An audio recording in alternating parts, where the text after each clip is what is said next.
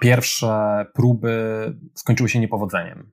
Czyli wyrzuciłem 3 czwarte książki, czyli około, nie wiem, 200 tysięcy, może trochę ponad 200 tysięcy znaków e, do kosza. Dlaczego? Fabularnicy. Nazywam się Michał Kasprzyk. Zapraszam Was na przygodę ze storytellerami wszelkiej maści. Wspólnie odkryjemy, jak opowiadać arcyciekawe historie.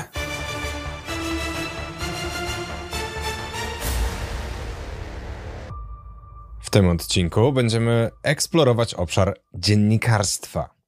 Jak opowiedzieć prawdziwą historię w reportażu tak, żeby była ciekawa i jednocześnie nie przekłamać faktów. Ten odcinek może zainteresować nie tylko reportażystów, ale też na przykład osoby, które tworzą adaptacje prawdziwych historii do filmów albo mówców, którzy w swoich przemówieniach opowiadają o perypetiach innych ludzi. Rozmawiamy o tym, że czasem w poszukiwaniu najlepszej drogi opowiedzenia danej historii trzeba wyrzucić kawał roboty do śmieci, o tym, jak ważni są odbiorcy, o trudnych momentach tworzenia reportażu o tak zwanych cam girls. Mój rozmówca zdradził też, dlaczego czytuje rewie i chodzi na kursy kreatywnego pisania oraz czym zirytował Martynę Wojciechowską. Fabularnikiem, z którym poruszam te tematy, jest Piotr Zieliński. Piotra zaprosiłem do rozmowy, bo jest doświadczonym dziennikarzem. Był wydawcą w programie Dzień Dobry TVN i regularnie publikuje artykuły, wywiady i reportaże w prasie drukowanej. Między innymi w Forbes Women i Newsweeku. A w ramach Google News Lab szkolił innych dziennikarzy.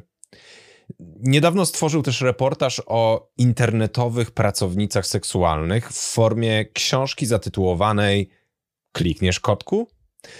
Biogram Piotra i linki do niektórych jego tekstów znajdziecie w opisie odcinka. Zajrzyjcie do opisu w apce, w której słuchacie, lub na stronie fabularnicy.pl. A teraz wskoczmy już w tę rozmowę. Cześć Piotrze. Cześć Michał, dzień dobry. Miło Cię tutaj gościć. I ja od razu Ci powiedziałem nawet, że moje pierwsze pytanie będzie takie, że chciałbym, żebyś się podzielił z naszymi słuchaczami jakąś dobrą historią, którą ostatnio poznałeś. Czy to obejrzałeś jakiś film, serial, posłuchałeś jakiejś piosenki, przeczytałeś książkę, reportaż, cokolwiek. Co polecisz słuchaczom? No dużo mamy tutaj e, tych twoich propozycji. Mhm. Jestem osobą, która dość e, dużo mediów konsumuje, więc mógłbym wymienić pewnie jakąś książkę i tekst, i, i serial, i film, i tak dalej, i tak dalej. Albo też scenariusz, bo muszę się przyznać, że ostatnio zaczytuję się w scenariuszach filmowych. Może od razu dla, dla naszych słuchaczy jakiś tip, bo powstała biblioteka scenariuszy filmowych do której gorąco zachęcam, bo można znaleźć e, naprawdę fajne treści tam. Ja chociażby ostatnio e, czytałem scenariusz e, Mateusza Pacewicza filmu Hater, między innymi dlatego, że, że jakby chcę iść w tym dziennika, w scenariopisarskim kierunku. Jeżeli pytasz mnie o tekst, bo to ja bardzo lubię reportaże i oczywiście poza taką typową prasówką codzienną, jeżeli miałbym się odnieść tutaj do Twojego pytania, to myślę, że byłby to tekst Ani Śmigulec. Nie wiem, czy tutaj naszym słuchaczom i tobie to nazwisko jest znane, ale e, Ania, Ania Śmigulec jest dwukrotną laureatką Grand Pressa właśnie za reportaż prasowy. Kiedyś pracowała w dużym formacie, później zawodowo nie była za bardzo aktywna, wróciła w tej chwili do właściwie pracuję dzisiaj w magazynie wirtualnej Polski, przygotowuję reportaże. Oczywiście magazyn WP.pl, no i tam możemy znaleźć teksty Ani i w weekend e, Ania e, opublikowała taki tekst, kiedy mylisz piekło z rodziną reportaż o młodym człowieku, którego spotkały różne przeciwności losu. Może nie będę tutaj zdradzał za wiele, bo serdecznie ten tekst polecam i w ogóle polecam wszystkie teksty Ani, bo są mhm. niesamowite. Ja się bardzo cieszę, że ona jakby wróciła na te dziennikarskie ścieżki, bo no to jest e, wzór jakości dziennikarskiej. Zalinkujemy w notatkach w takim razie do tego artykułu. Więc mówisz, że y, uwielbiasz reportaże, no jesteś też dziennikarzem i sam reportaże też tworzysz, a jakie historie, jakie opowieści, a może jakie reportaże już bardziej konkretnie ukształtowały ciebie i twoją chęć do tworzenia Wiesz co, trudno mi byłoby się tutaj odnieść pewnie do konkretnych tytułów. Ja, ja, nawet nie jestem w stanie e, przypomnieć sobie momentu, w którym tak bardzo reportaże zaczęły mnie interesować. Ja może wrócę do jeszcze wcześniejszego momentu, bo czasów mhm. licealnych, czy nawet e, czasów gimnazjalnych, no bo byłem pierwszym rocznikiem, który szedł jakby z nową reformą. I pamiętam, że e, ja już wtedy prosiłem rodziców o to, żeby do domu mi przywozili i kupowali tygodniki opinii wprost. E, wtedy chyba Newsweeka jeszcze nie było, już nie pamiętam. Polityka. To dosyć wcześnie zacząłeś. Tak, jakby rzeczywiście interesowałem się, się, się tymi rzeczami. Zresztą na maturze też zdawałem przedmiot nazywany wiedzą o społeczeństwie. Nie wiem, czy, czy jeszcze dzisiaj taki przedmiot jest, e, ale rzeczywiście mnie to interesowało i, i, i jakoś te, mm, zawsze mnie ciągnęło do tych takich prawdziwych historii.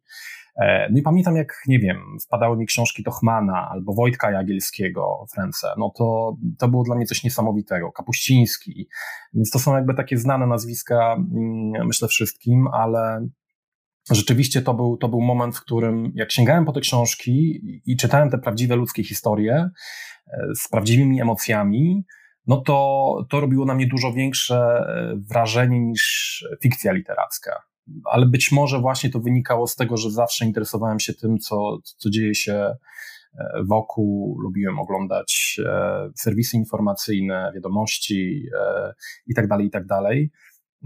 No i to chyba była jakaś taka naturalna droga też dziennikarska, tak bym to chyba ujął. Mhm, ale to był moment, w którym stwierdziłeś, tak, zostanę dziennikarzem, czy to była raczej taka mm, powolna droga, gdzie próbowałeś różnych rzeczy i dopiero gdzieś to dziennikarstwo później weszło? Z dziennikarstwem właściwie było tak, że mm, od samego początku byłem naprawdę dobry, jeżeli chodzi o język polski, tak? Czyli mówię o przedmiocie oczywiście, o, o jakieś analizy, mhm. pisanie opracowań, tekstów. Mm, to jest też dziwne, bo, bo moi rodzice y, mieli bardziej umysły ścisłe. Ja z kolei, to może być dla ciebie zaskakujące, ale przejawiłem duże zdolności manualne i plastyczne. Ja właściwie się zastanawiałem nad tym, żeby iść na ASP i właściwie od, rzeczywiście od, od maleńkości lubiłem te wszystkie jakieś takie zajęcia, na których może, mogliśmy coś, nie wiem, malować albo coś ulepić. Pamiętam, że mając nie wiem, może 9-10 lat już lepiłem jakieś figurki z modeliny, wtedy to było popularne. Mhm. Były nawet jakieś takie programy w telewizji, w których pokazywano, jak lepić te, te ludziki z tej modeliny. I myślę, że ta, w pewnym momencie, kiedy już czułem się nieco bardziej dojrzały, stwierdziłem, że ten kierunek artystyczny może w ówczesnej rzeczywistości nie był dobrym wyborem, a jednak kwestia językowa jest też jakimś rodzajem tego artystycznego świata. I jakoś przekierowałem swoją uwagę na to. Oczywiście zawsze w tym, jeżeli chodzi o ten język polski, byłem dobry, bo mm, no, nawet niedawno, jak, jak, byłem u rodziców na święta, odnalazłem swój taki zeszyt, to chyba była szósta klasa szkoły podstawowej, i tam pisaliśmy jakieś swoje takie dłuższe opowiadania. I ja po ten zeszyt sięgnąłem, przeczytałem to i słuchaj, stwierdziłem, że to jest całkiem fajnie napisane. To była jakaś oczywiście przygoda w kosmosie i tak dalej. ale pod kątem jakby samej struktury, no już dzisiaj mhm. bardziej profesjonalnie to oceniam, ale, ale stwierdziłem, że naprawdę kurczę, chyba miałem talent. Nie wiem, czy mam go dzisiaj, ale wtedy, ale wtedy może była to jakaś pierwsza wskazówka, że rzeczywiście warto w tym kierunku iść. Nie myślałem nigdy o tym, że zostanę dziennikarzem. Mhm. Nie wiązałem z tym przyszłości. To dopiero przyszło w liceum, kiedy faktycznie bardzo dobrze się czułem, e, jeżeli chodzi o język polski i miałem bardzo dobre oceny. Właściwie brałem udział w jakichś konkursach recytatorskich i, i tak dalej, i tak dalej, albo nie wiem, opracowywałem scenariusze jakichś akademii szkolnych. Mm. Tak, i, i, w pewnym momencie chyba któraś z nauczycielek e, poinformowała, że jest konkurs organizowany z e, regionalnym dziennikiem, taki dziennikarski, w którym jest możliwość opublikowania tekstu na podstawie tego, co się, co się dzieje jakby w naszym otoczeniu, tak?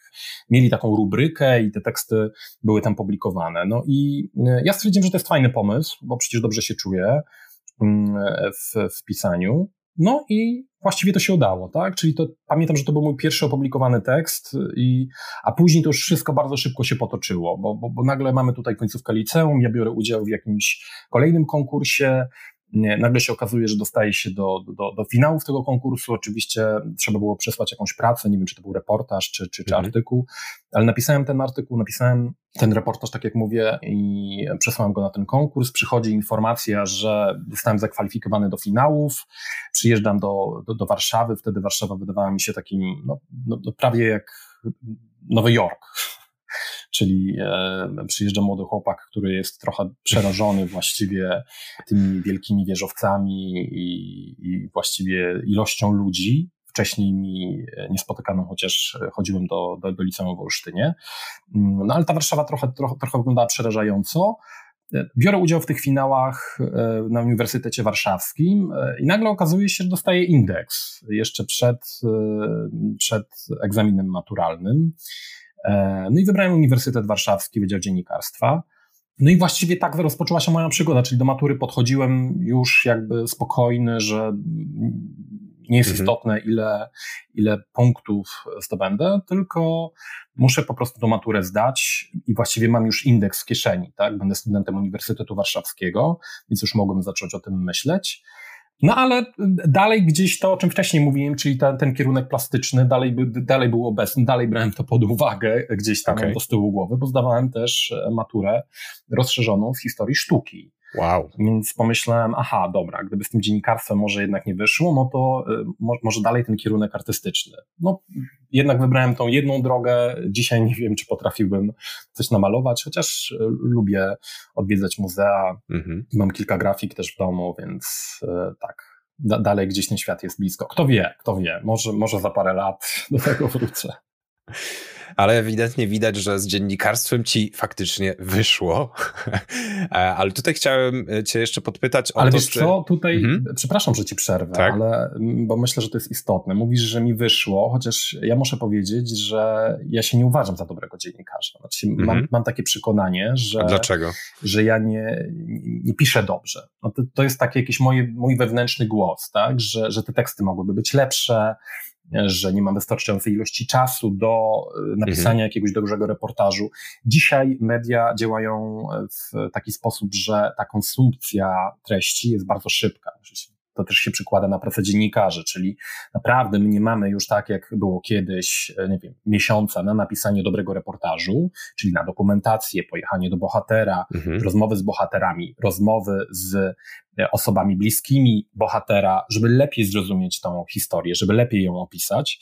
Ja sam mam takie poczucie, że to wszystko mogłoby być lepsze. Oczywiście moi szefowie są zadowoleni, czytelnicy są zadowoleni, wszyscy mi mówią fajny tekst, fajnie napisany, fajna konstrukcja, ale mówię o swoim takim wewnętrznym głosie i wiem, że wielu, wielu dziennikarzy i tych znanych, i tych mniej znanych też ma bardzo często takie poczucie, ale też, nie wiem, autorów, autorzy książek, prawda, też uważają, że za, zawsze mo, można byłoby zrobić coś, to, coś lepiej, ale. Ja, ale, ja też tak. zawsze właśnie, y, nawet jak się szykowałem do rozmowy z Tobą, to oczywiście przeczytałem Twoje teksty, przeczytałem fragment książki, wypisałem sobie pytania i w ogóle. I mimo to czuję się nieprzygotowany, mimo że jestem przekonany, że ta rozmowa nam pójdzie całkiem nieźle, także doskonale Aha, rozumiem, o co ci chodzi. Myślałem, że właśnie przeczytałeś wszystko i stwierdziłeś, nie, on jednak nie jest dobrym dziennikarzem. nie, ja właśnie uważam inaczej i w sumie to dlaczego u ciebie to tak jest? Czy to jest jakiś taki syndrom oszusta, czy może raczej wynika to, jest taka e, krzywa Krygera Dunninga, czy że tam najpierw jak coś odkrywamy, jakiś temat, to najpierw nic nie wiemy, ale później jak zaczynamy odkrywać, to czujemy się tacy zajebiści zajebiści, że wiemy po prostu wszystko, do momentu, aż dowiemy się, czego nie wiemy i ta krzywa nam spada i wiemy, aha, dobra, to jestem już w miarę doświadczony, ale wiem jeszcze, ile drogi przede mną. Więc to, to jest bardziej to, czy, czy właśnie oszust taki wewnętrzny? Wiesz co, wydaje mi się, że w moim przypadku to była kwestia związana z moją e, mniejszą bądź większą karierą w telewizji, czyli ja nigdy nie pozbyłem się jakby pisania. Zawsze współpracowałem z mediami mhm. drukowanymi jako freelancer albo internetowymi i publikowałem teksty, reportaże, wywiady ale przez 11-12 e, lat współpracowałem z telewizją TVN I właściwie e, ta, trafiłem do telewizji przypadkiem, naprawdę. I na końcowym etapie właściwie moja praca ma, miała bardzo mało wspólnego z takim klasycznym dziennikarstwem. Bardziej się czułem jako menedżer mediów. Tak? Oczywiście podejmowałem decyzje co do tematów i tak dalej, ale mhm. tworząc program Dzień Dobry TVN, głównie zajmowałem się koordynacją pracy całej, całej ekipy, współpracą z prowadzącymi, konstrukcją mhm. scenariusza i tak dalej, i tak dalej. To było dość, dość wymagające i brakowało mi tego takiego dziennikarstwa z krwi i kości. Ale tak jak mówię, nie, e, dlatego też zdecydowałem się między innymi na odejście z TVN-u, bo poczułem, że jednak powinienem wrócić do korzeni. Mhm. A jeżeli tutaj mówimy o tym, o, o, tym takim syndromie, czy to o tym głosie, który, który wychodzi ze mnie i, i, mówi, że zawsze można byłoby zrobić coś lepiej, to wydaje mi się, że mm, to jest e, też takie, ta, taka rzecz, która jest często spotykana w tej branży, bo żeby być dobrym dziennikarzem, trzeba bardzo dużo czytać, mhm. trzeba orientować się, co się dzieje na świecie. To, to nie jest tak, że, że będąc dziennikarzem ekonomicznym, czytamy tylko rzeczy z naszej bańki, czyli tylko i wyłącznie rzeczy związane z ekonomią, prawda? Ja, będąc dziennikarzem, który właściwie nie jest wyspecjalizowany w niczym, bo piszę na różne tematy i jak jakaś redakcja zgłasza się do mnie z propozycją przeprowadzenia wywiadu albo napisania artykułu, nie wiem, nawet czegoś specyficznego do mediów branżowych, e, chociażby na przykład do presu, no to takich tematów też się podejmuje, prawda? Dla mnie to jest zawsze zdobycie jakiejś wiedzy na dany temat. Na podstawie jakby wcześniejszego mhm. researchu, rozmów z ekspertami i tak dalej, i tak dalej. I wydaje mi się, że, że to jest bardzo mocno powiązane właśnie z jakąś taką ambicją i z wewnętrznym głosem, że właśnie zawsze trzeba mm, e, dowiedzieć się możliwie najwięcej na temat, na który będziesz pisał albo o którym będziesz mówił, bo to jest szacunek dla czytelnika. Mhm. Znaczy, czytelnik, zapoznając się z Twoim tekstem, powinien uzyskać od Ciebie te wszystkie przefiltrowane informacje, tak? Czyli ja możliwie najwięcej dowiaduje się na jakiś temat, opisuje to prostym językiem, właśnie tak prostym, żeby on był zrozumiały dla czytelnika, albo żeby był ciekawy, albo żeby to było jakaś, mm, jakieś kompendium jakiejś wiedzy na, na, na dany temat. I, I, wydaje mi się, że tutaj właśnie ta, ta taka zawodowa ambicja bierze górę, czyli że zawsze powinieneś wiedzieć coś więcej, że wiesz za mało, że za szybko być może napisałeś ten tekst, że być może trzeba było to jeszcze trochę dopracować.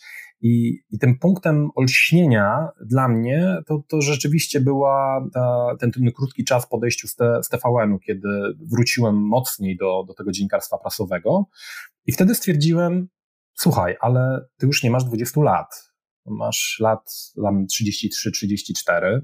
Bardzo dużo rzeczy zrobiłeś. Ludzie wokół ciebie mówią o tym, że masz bardzo bogate e, portfolio, bo zrealizowałeś e, mnóstwo projektów i telewizyjnych, i, i dziennikarskich, pracowałeś e, we wszystkich głównych mediach właściwie w tym kraju, bo współpracowałeś.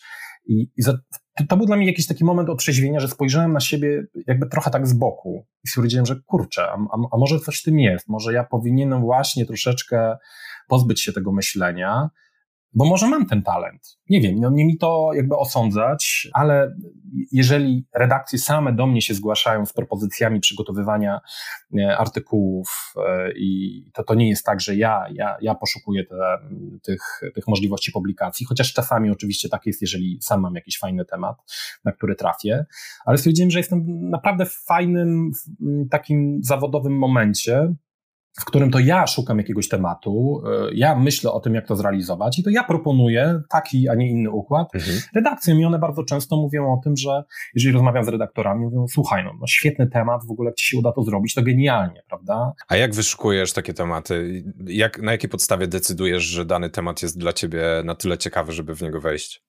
To już jest chyba kwestia doświadczenia zawodowego. Znaczy, gdybym miał znowuż tutaj jakoś uogólnić, to, to bym powiedział, że praca w telewizji nauczyła mnie, że najważniejszy jest bohater i najważniejsza jest historia ludzka. Właściwie w ogóle media to emocje. To mhm.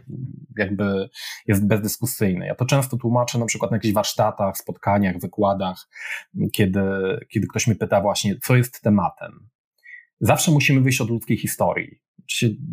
Jeżeli mielibyśmy tutaj się zastanowić nad tym, czy jest jakaś audycja, reportaż, news, bez ludzkiej historii, to nagle pozbywamy się wszystkiego. Znaczy, media działają w ten sposób, że dzisiaj te emocje już są bardzo widoczne. Jeszcze kiedyś to było mniej, ale zobacz, jeżeli oglądamy dzisiaj jakiś taki format reality show, na przykład, mhm. nie wiem, Top Model, albo Love Island, Love Island Wyspa, Wyspa Miłości, no to tam właściwie y, nie chodzi o nic więcej poza pokazywaniem emocji ludziom. Bo to samo, mhm. jeżeli kupujemy książkę, to też chcemy, żeby ona wyzwoliła w nas jakieś emocje, albo radość, albo smutek. Teraz mamy wakacje, więc chcemy coś relaksującego, żeby się oderwać od y, całego świata. Więc właściwie zawsze chodzi o emocje. Jeżeli te emocje są, jeżeli czujemy, że ten temat jest emocjonalny, że czytelnika wzruszy, poruszy, nie wiem, zaintryguje, jeżeli sprowokuje go do jakiegoś działania, to super.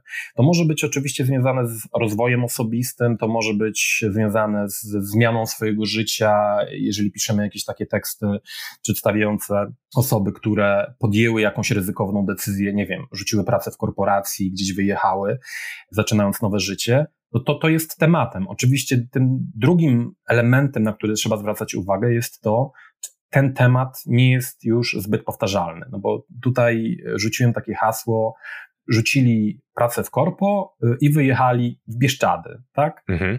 No to jest bardzo częsty schemat. No kilka lat temu ten temat był na topie. Znaczy w każdej redakcji on się pojawiał, no ale przez to, że w tej każdej redakcji się zdążył pojawić, no to już później, kiedy się przychodziło do redakcji i była kolejna historia z cyklu rzuciłem pracę, zrobiłem coś, no to nazywaliśmy to, aha, no dobrze, no, rzuciłem pracę, wyjechałem w Bieszczady, chociaż byłoby to, nie wiem.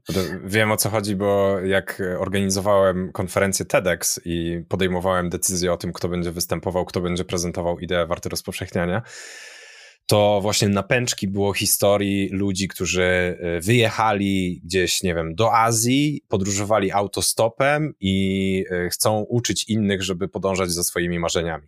Jakby ja też nie chcę negować tego, że to jest wartościowe, ale po prostu tyle tych historii już jest, tyle ludzi przemawiało na ten temat, że naprawdę nie miało sensu po raz kolejny tego wstawiać na scenę TEDxa. Tak, bo ja myślę, że nawet w ogóle w takim przekazie i w komunikacji bardzo ważne jest to, żeby ten głos się nie rozmywał, czyli mhm jeżeli jakiś znany przedsiębiorca powie o depresji, e, jeżeli ktoś przedstawi tą swoją historię e, po, po, po raz pierwszy, no to to zyskuje tą siłę, prawda? Mhm. I, I, takich tematów ja się staram poszukiwać, czyli faktycznie, jeżeli jakiś temat nawet jest szeroko opisany, bo to nie znaczy, że jak, jeżeli jakiś temat jest szeroko opisany, to nie jest tematem, tylko na tym polega właściwie sztuka reportażu. Zobacz, że mamy jakiś news, coś się stało, nie wiem, w jakiejś miejscowości, prawda? Wszyscy teraz rozpisują się na temat arcybiskupa Głudzia, który został sołtysem gminy Jaświły. Mhm. Ten temat jest szeroko opisany. Właściwie teraz nie schodzi z prasowych nagłówków, jest w głównych serwisach informacyjnych, ale zobacz, że, że newsy mają taką charakterystykę, że traktują te informacje bardzo pobieżnie. Mhm. A gdyby jakiś reporter pojechał za miesiąc albo za pół roku do tej, do tej gminy, i sprawdził, co udało się zrobić, prawda? Znaczy, żeby porozmawiać z ludźmi, żeby dać im ten czas, żeby nawet tych bohaterów trochę oswoić. Więc to nie znaczy, że, że nie ma tematu, jeżeli coś jest szeroko opisane, tylko żeby nadać zupełnie inną narrację, żeby czytelnik dowiedział mhm. się czegoś jeszcze. Czyli te, w tej chwili to jest taki sensacyjny temat, że o, Głódź został sołtysem, ale za pół roku ta historia będzie trochę inna też, nie? Że tak, czy tak, jemu ona... się udało coś zrealizować. Ja dlatego tak lubię reportaż, bo, mhm. bo reportaż pokazuje, powinien pokazywać daną sytuację z różnych perspektyw. A, a te różne perspektywy powodują, jeżeli faktycznie e, reporter jest osobą, której w tekście nie widać, no to te różne perspektywy pozwalają czytelnikowi sformułować własne zdanie na ten temat. I hmm. ja uważam, że to jest super, bo dzisiaj y, wszyscy konsumujemy internet, te, te newsy są bardzo pobieżne, te informacje są bardzo często nieskładne. Dzisiaj piszą, amerykańscy naukowcy zrobili to, a jutro jednak amerykańscy naukowcy się mylili albo robią jakieś inne badania, które zaprzeczają mhm. tym poprzednim, prawda? Więc czasem zamykamy się w tych bańkach takich informacyjnych.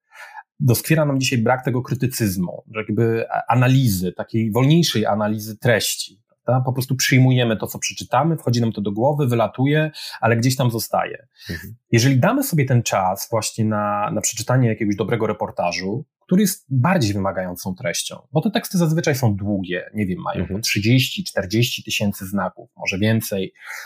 Mówię o artykułach oczywiście. Mhm. W przypadku książkowych reportaży jest to dużo więcej, ale to powoduje, że uruchamiamy tą analizę, zaczynamy się nad tym zastanawiać, prawda? Naprawdę to jest taka, takie dobre ćwiczenie y, na, na, na, na naszą głowę, też pod kątem y, późniejszego rozumienia, czym właściwie ten temat jest i jak można go opisać chociażby.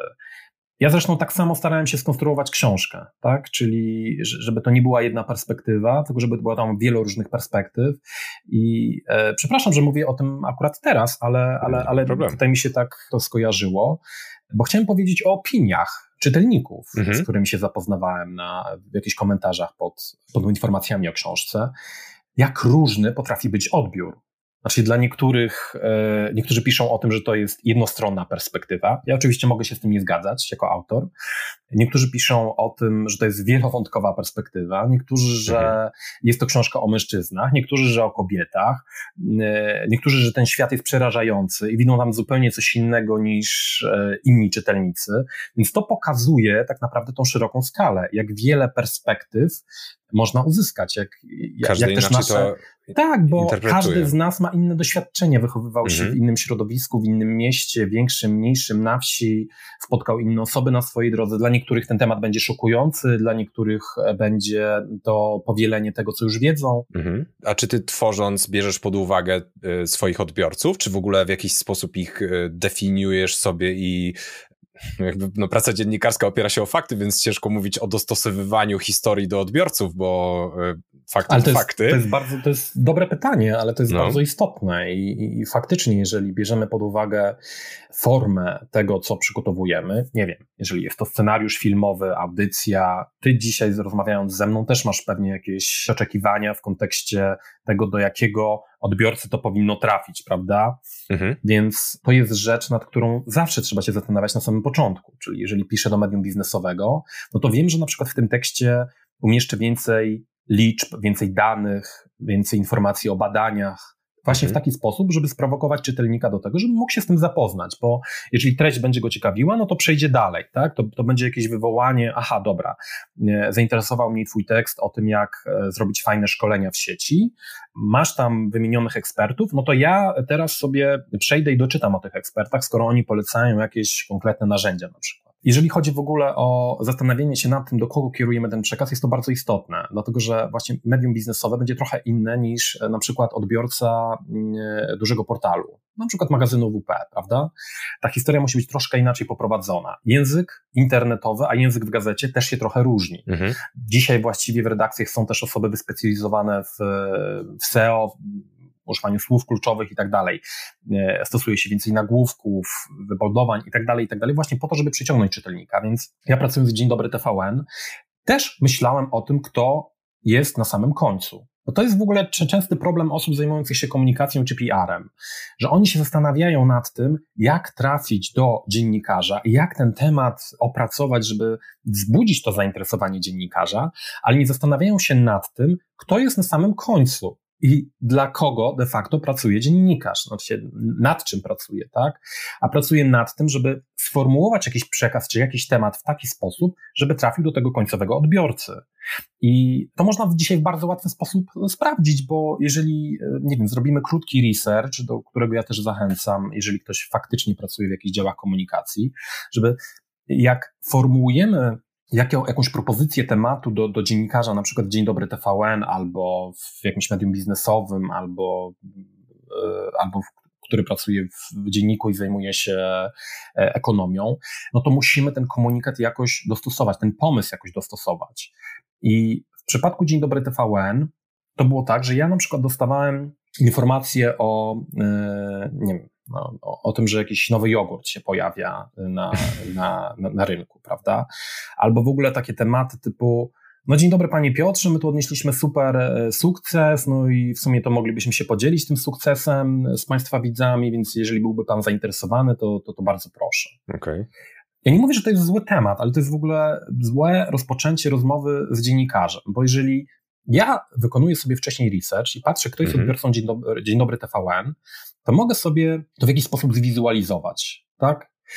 Widzę, że głównymi odbiorcami tego programu są kobiety, że jest to grupa komercyjna 16-49, więc mogę sobie wyobrazić, aha, no w, kto też rano ogląda program. No, wyjdzie nam, że, że powiedzmy jest to Kasia, która właśnie jest na urlopie macierzyńskim, prawda? Ma chwilę w domu, dziecko się bawi, ona pije kawę. Możemy sobie to zwizualizować, jak ona w tym domu jest, prawda? I zobacz, jak to jest istotne pod kątem właśnie y, wymyślenia i pomyślenia o temacie, co mogłoby być interesujące. No tak, ona pewnie oglądając, o, pojawił się ten nowy jogurt. I, i co wtedy? No tak, i jak to jest, jak to jest istotne y, z punktu widzenia osób, które zgłaszają się z tematami, jak to jest istotne też dla mhm. wydawcy, którym byłem, który musi dostosować ten przekaz do odbiorców, żeby była oglądalność, bo ja jestem za to rozliczany. Czyli ja rano, rozpoczynając program, mam e, o, oglądalność, czyli przejmuję jakby widzów z poprzedniego segmentu na poziomie tam 0,01, prawda? A muszę doprowadzić, że jak kończę program, no to mam oglądalność powiedzmy na poziomie 12%. Mhm. Czyli stacja mnie z tego rozlicza, żeby ten wykres, który jest, był jednak, żeby szedł jednak do góry. I ja bardzo mocno się zastanawiałem nad tym, jak temat ująć, żeby on był interesujący dla naszych widzek, czy dla naszych widzów, bo w mhm. programie weekendowym pamiętam, że kiedyś toczyliśmy dyskusję na temat y, mężczyzn. Bo było takie przekonanie, że to jest program tylko i wyłącznie kobiecy, prawda? I, mhm. i pamiętam, że kiedyś podniosłem sam tą kwestię i, i, i rozmawialiśmy głęboko o tym. Ja mówię, że ja się z tym nie zgadzam, bo nagle tutaj w, w, moim otoczeniu widzę, że ten program w weekendy, szczególnie w niedzielę, konsumują też mężczyźni. I że warto byłoby wprowadzić, skoro mamy taki takie niedoszacowanie celebrytów i gwiazd na polskim rynku, że warto byłoby to rozszerzyć być może o mężczyzn sportowców także, właśnie po to, żeby mieć dodatkowy kontent taki gwiazdorski na te weekendy, prawda? No i to się okazało strzałem w dziesiątkę, no bo faktycznie mężczyźni też siedzą przed telewizorami, czy też mhm. może być jakaś treść dostosowana do nich. Więc trzeba myśleć o tym końcowym odbiorcy, bo to jest y, naprawdę bardzo istotne i to w ogóle pomaga też wizualizacji tematów, przygotowaniu tematów albo wyłapywaniu tych historii.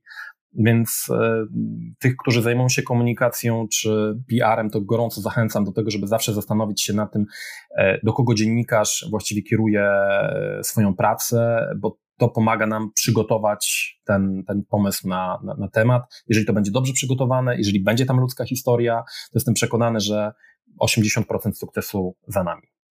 To, to, to jest bardzo, bardzo wartościowa wiedza. A jaka była Twoja najważniejsza lekcja, którą wyciągnąłeś ze swojej pracy dziennikarskiej? Myślę, że to było zrozumienie potrzeb y, odbiorców, czyli właśnie, żeby dostosowywać ten język, styl, przekaz mhm. do końcowego odbiorcy. Że można pisać różnym stylem, że czasem ten tekst może być bardziej skomplikowany, z większą ilością danych, ale czasem on powinien być, nie wiem, y, zabawny albo wzruszający, albo wręcz e, powinien być skonstruowany na jednym bohaterze, bo taki przekaz będzie mocniejszy niż rozbijanie tego o, o jakieś dodatkowe elementy. Więc chyba tak, zrozumienie właśnie e, tego, że, że powinniśmy ten przekaz dostosowywać do, do, do, do, czytelnika, widza. No i myślę, że taką drugą rzeczą, którą bym wymienił, hmm, już mnie. Yes! Udało się. Kurczę, nie wiem, co wymienić. Znaczy, nie musisz mieć drugiej rzeczy, spokojnie, to jakby nie ma problemu. No, o, coś, mi, coś mi przeszło przez głowę. Okej. Okay. Myślę, że tą drugą rzeczą yy, może trochę tak odbiję od tego, co powiedziałeś, ale to jest chyba umiejętność słuchania, mhm. której dzisiaj ludzie często nie mają. I ja faktycznie jestem dziennikarzem, który oczywiście lubię dużo mówić, ale jak rozmawiam z, z, z bohaterami, on to bardziej słucham. I rzeczywiście słucham. Na czym polega słuchanie? Słuchanie polega na tym, że naprawdę na, na wielu różnych poziomach odnajdujemy pewne istotne elementy. To też jest e, klasyczna rzecz, e, która jest e, szczególnie przydatna w pisaniu reportaży, kiedy właściwie ta cała otoczka jest ważniejsza niż nawet to, co mówi bohater. Co masz na myśli przez otoczkę? Gesty, sposób zachowania, to czy, nie wiem, mruga nam oko, albo pocimy się mówiąc o pewnych rzeczach, albo jak nasze ciało się zachowuje, w jakim otoczeniu jest bohater, bo jeżeli umawiamy się z nim w domu, no to jest bardzo istotne to, y, w jaki sposób, nie wiem, są poukładane książki albo ciuchy, czy są kwiatki, czy, czy ich nie ma. Tak każdy element mówi coś o człowieku. Mhm. I właściwie w reportażu ten naddatek jest istotny, bo wbrew pozorom jakiś detal potrafi powiedzieć nam coś więcej o danej, o danej postaci niż to, co ona mówi, prawda? Mhm. A co było takiego najciekawszego, co wy, wywnioskowałeś z jakiegoś detalu e, swojego bohatera? No podam Ci przykład z książki. No, mm, mhm. Książka dotyczyła internetowych pracownic seksualnych, czyli, e, czyli tak zwanych cam girls. E, jedną z moich bohaterek była, była Ania. I w tej historii ona oczywiście opowiada o tym, jak ona trafiła do, do tego mm, świata sexworkingu, e, a zaczęła w taki no dość mocny sposób, bo uprawiając seks za pieniądze, te kamerki pojawiły się później. Oczywiście mówiła o swoich motywacjach, ale kiedy powiedziała o tym, że mimochodem, to, to, to nie było jakby nic, na, na, na co by zwróciła jakoś mocną uwagę, ona sama, ale kiedy powiedziała o tym, że ona za zarobione w ten sposób pieniądze kupiła protezę swojej mamie i pamięta jej pełen uśmiech, jakie to wrażenie na niej zrobiło, że mama jest po raz pierwszy w życiu szczęśliwa, to to jest właśnie ten moment, który bohaterowi się wydaje, że nie jest istotny, prawda? A ty czytając tą historię, to myślę, że mhm. jak ją przeczytasz i zwrócisz uwagę na ten, na ten element, to nagle cała historia, bardzo skomplikowana, kiedy myślisz sobie, i oceniasz prawdopodobnie już tą dziewczynę w mm, negatywny sposób, że e, trudniej się taką pracą, nagle zyskujemy jakiś dodatkowy kontekst, prawda? Trochę nam się to zmienia. To jest, taki, to jest taki moment e, olśnienia, że rzeczywiście próbujesz sobie, wizualizujesz, jak ty byś się zachował w takiej sytuacji, prawda? I e, no, no tak jak mówię, to są takie, takie detale, które sprawiają, że na chwilę się zatrzymujesz i zaczynasz się nad tym zastanawiać. To wiesz co, to pociągnijmy temat książki i wejdźmy trochę głębiej w nią. Właśnie odnośnie szczegółów też chciałem cię zapytać, jak takie rzeczy z ludzi wyciągać? Czy to jest, czy to przychodzi samo, jak zadajesz odpowiednie pytania, czy musisz jeszcze dopytywać jakoś?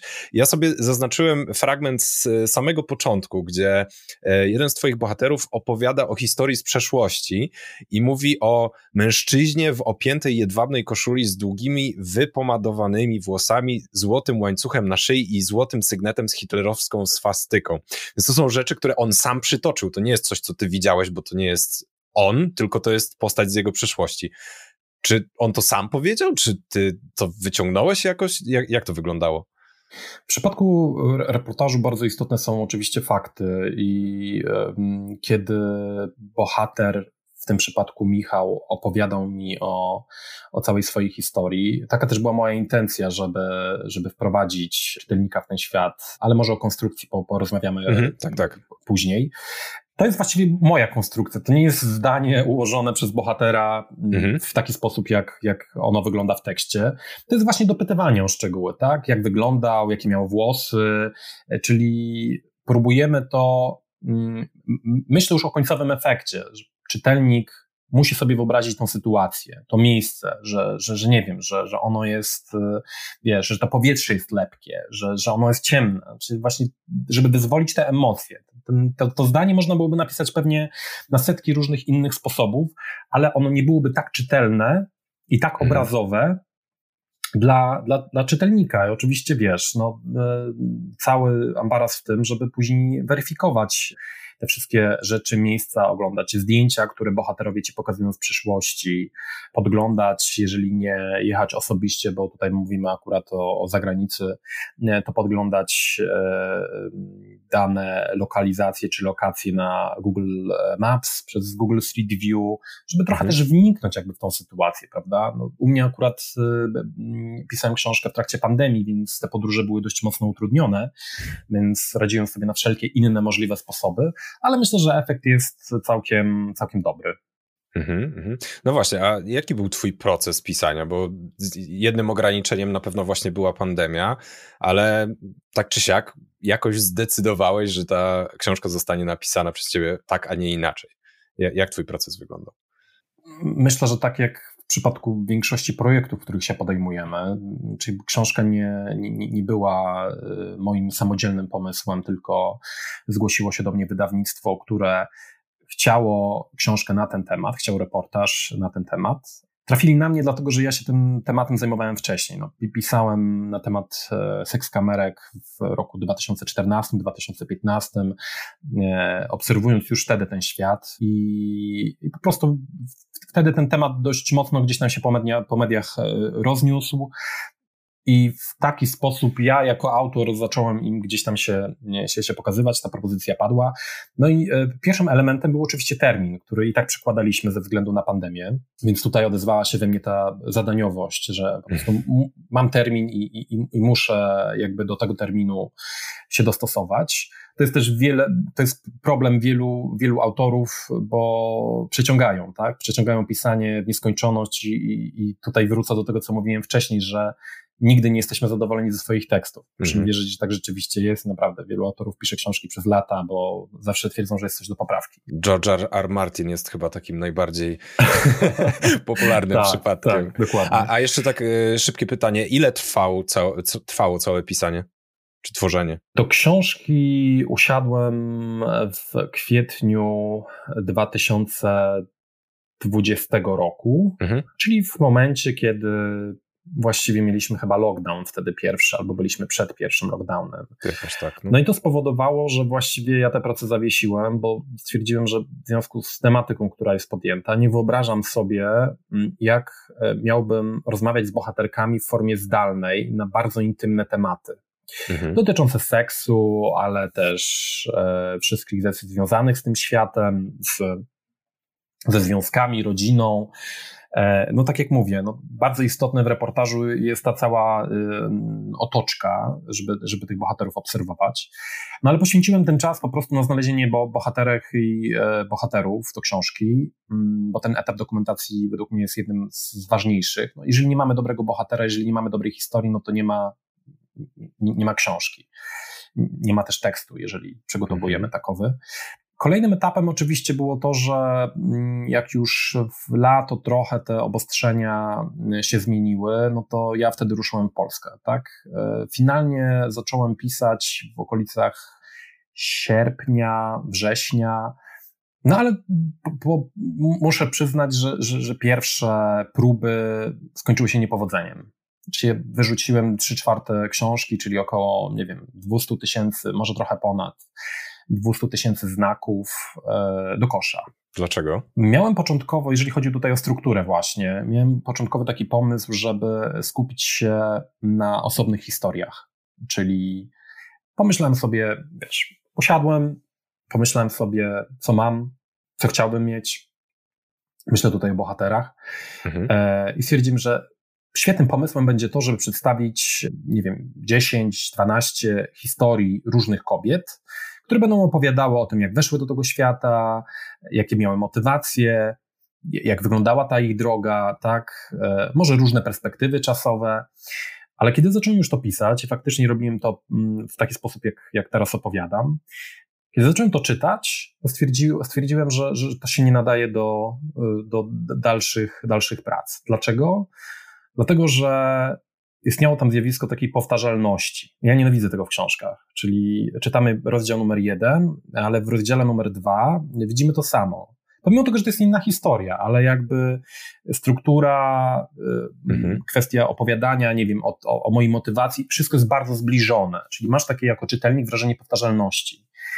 I założę się, że gdybym ci dzisiaj to przesłał e, i gdybyś to przeczytał, to byś powiedział faktycznie, faktycznie mhm. w, w, każdej historii da się wybrać elementy, które są powtarzalne, a to powodowałoby, że czytelnik po prostu odpada. Znaczy po trzecim rozdziale mówisz dziękuję, nie, no wszystko to jest to samo, to mi się zlewa w jedno, e, w jedną historię i, i to w ogóle nie jest interesujące. W książkami, z reportażami, z artykułami jest tak, że to jest jak wagonik tekst pędzący jakby pociąg z wagonikami, tak?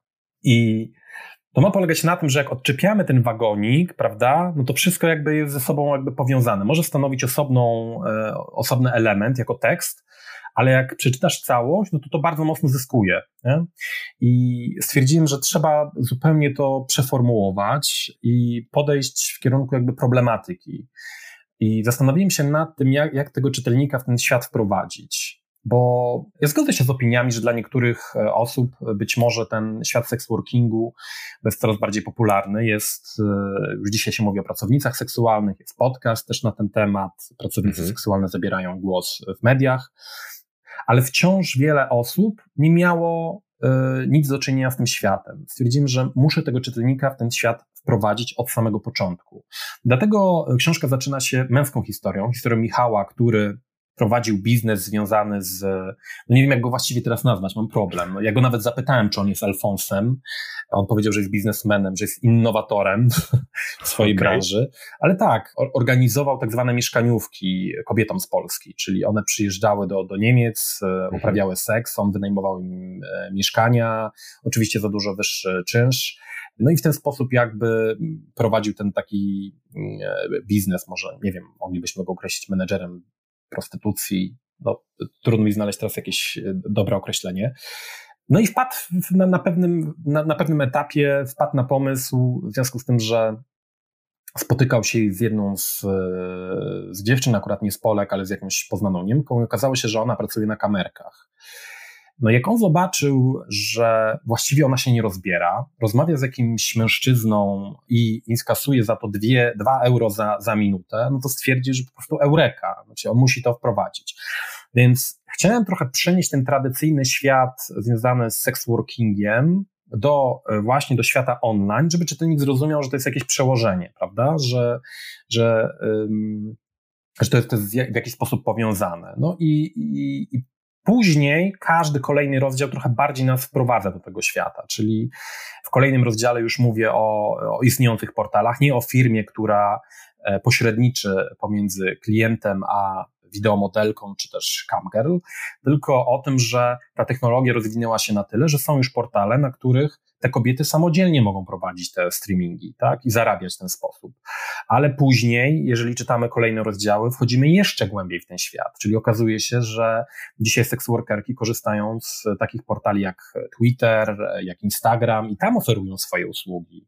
I, i to wszystko jest bardzo ze sobą powiązane, prawda? Czyli znowu zamiast opowiedzieć historię konkretnych, znaczy opowiadasz historię konkretnych bohaterów, ale zamiast na tym opierać strukturę, to oparły się na odbiorcach. Czyli to, co mówiłeś tak, wcześniej tak, o tak. telewizji, znaczy, o reportażach, znowu mocno, tutaj... Tak, myślałem bardzo mhm. mocno o tym, żeby znowuż te wagoniki do siebie pasowały. Tak, tak. Czyli każdy, każda problematyka każdego rozdziału, który bardziej wprowadza nas w ten świat, jest oparta o jakby inny aspekt, czyli tu mamy tą perspektywę biznesową, tutaj mamy tą nowoczesną perspektywę biznesową, później mamy historię e, kobiety, która zaczęła faktycznie od tego, od uprawiania seksu za pieniądze, później mamy osobę, która jest e, już tylko i wyłącznie camgirls, tak, i jakie są jej motywacje, Później zaczynamy wchodzić właśnie, nie wiem, w jakieś aspekty prawne, wszystko jest opowiedziane oczywiście za pomocą bohaterów i ich historii, ale problematyka każdego rozdziału jest inna. I po przeczytaniu całości, no mamy tam oczywiście parę bohaterek, parę bohaterów i e, są też eksperci, ale po przeczytaniu całości no już jakby mamy tą, y, tą perspektywę z różnych stron, prawda? Bo i tej biznesowej, i tej psychologicznej, i tej prawnej, y, i z perspektywy kobiet, ale też i odbiorców, bo, bo w książce y, jest też rozdział poświęcony mężczyznom, którzy korzystają z tego rodzaju usług i oni opowiadają, mhm. dlaczego to robią, ile na to wydają. Więc mamy tutaj tą wielowątkowość. Ten, ten, rozdział czytałem, bo też on jest dostępny w internecie, można go przeczytać, tak, więc tak. też zalinkuję w opisie. I e, faktycznie on, on e, zaczyna się od e, policjanta onanizującego się na kamerce, tak? No tak, i, i, i widzisz, według mnie, znaczy później znowuż zasiadłem do takiej analizy krótkiej, stwierdziłem, mhm. że no, mm, to jest dużo lepszy pomysł. To jest dużo lepszy pomysł, bo mhm. idziemy kwestiami problematyki i też pewnego takiego konfliktu E, zawsze starałem się tak myśleć filmowo o tym, więc zawsze jest tam jakiś element związany z takim wewnętrznym konfliktem, prawda? Mhm. Mnie to cieszy po, po, po odbiorze książki, że wielu osób podkreśla, że mnie jako autora tam nie ma, że ja nie, nie stawiam żadnych tez, że pozwalam tutaj temu czytelnikowi sformułować własną opinię na temat tego środowiska, na temat tego świata, e, że jest to napisane przystępnym, prostym językiem. Mnie to jako autora naprawdę cieszy. Dlaczego? Dlatego, że znowu tutaj będziemy mogli zajrzeć za, za kulisy mojej, mojej pracy, ale e, słuchajcie, no pisanie o seksie jest bardzo, bardzo trudne. Znaczy, ja sam na początku nie, nie wiedziałem, z czym się do końca mierzę, ale Język polski pod kątem nazywania narządów płciowych jest albo lekko zabawny, albo wręcz wulgarny. Kiedy musiałem opisywać jakieś czynności seksualne, no ja pamiętam, jak chodziłem chociażby na warsztaty do Hanny Kral i ona mówiła, że zdania to jest melodia, że to musi płynąć. Mhm. To, to, to, to musi być ten dźwięk. I kiedy czytasz takie zdanie, w którym pada określenie na przykład kobiecych e, narządów e, płciowych, no to widzisz, że po prostu to zdanie nie, no nie ma tej melodii, bo nagle zatrzymujesz się na tym słowie. Ono po prostu albo budzi właśnie śmieszność w jakimś kontekście, e, a zależało mi na tym, żeby tego uniknąć, żeby czytelnika nie wybijać z tych, z tych, z tych zdań. I naprawdę się czasem głowiłem, wiesz, stukiwałem po prostu nad jednym słowem albo nad jakimś jednym zdaniem, siedziałem, potrafiłem siedzieć kilka godzin i się zastanawiać, kurczę, jak to opisać, bo to zdanie mi po prostu nie pasuje, tak? Są momenty, kiedy siadasz i piszesz 20 tysięcy znaków, a później się zatrzymujesz na 3 godziny i myślisz sobie, kurczę, ale to zdanie będzie ważne i jak je opisać. Więc cieszy mnie, że, że czytelnicy mówią o prostym języku, bo zależało mi na mhm. tym, żeby rzeczywiście ten język był prosty, nieskomplikowany, że jest ciekawie, że, że te rozdziały, jak się kończy jeden rozdział, to jest, jakaś lek, jest jakiś lekki link, albo lekkie zachęcenie, albo lekkie wprowadzenie do kolejnego rozdziału. Mhm. I faktycznie czytając tą książkę, czytelnicy mieli, mieli takie wrażenie. Więc te wszystkie elementy, jakie, jakie usłyszałem, mnie rzeczywiście bardzo cieszyły, bo od początku zależało mi na, na takiej, a nie innej strukturze, na tym, żeby właśnie ten język był zrozumiały, żeby też młodsi czytelnicy, którzy już, e, wiesz, bo dzisiaj w ogóle mamy też duży problem z czytelnictwem, tak, czyli mhm. ten język internetowy bardzo mocno dominuje i zdominował też redakcje prasowe, więc e, teksty no, dzisiaj są już też trochę językowo mniej skomplikowane niż jeszcze parę lat mhm. temu. No, ciekawy eksperyment polecam, bo jeżeli ktoś będzie miał szansę zajrzeć do, nie wiem, wyborczej z 95, 2000, 2005, to i zetknąć tą gazetę z, z, dzisiejszym, z dzisiejszym wydaniem, to serdecznie polecam taki eksperyment, bo Ciekawe, no. jestem no? przekonany, że, że będziecie zdumieni, jak te teksty były kiedyś pisane, jak były konstruowane, jak też były ciężkie do, do przyjrzenia, bo tam, nie wiem, no, jeżeli chodzi o dawne lata, to nawet nie było zdjęć, nie było żadnych apli, żadnych infografik, które dzisiaj ludzie konsumują z lubością, bo właśnie e, wszystko polega na tym, na tej szybkiej konsumpcji, do której jesteśmy przyzwyczajeni przez media społecznościowe.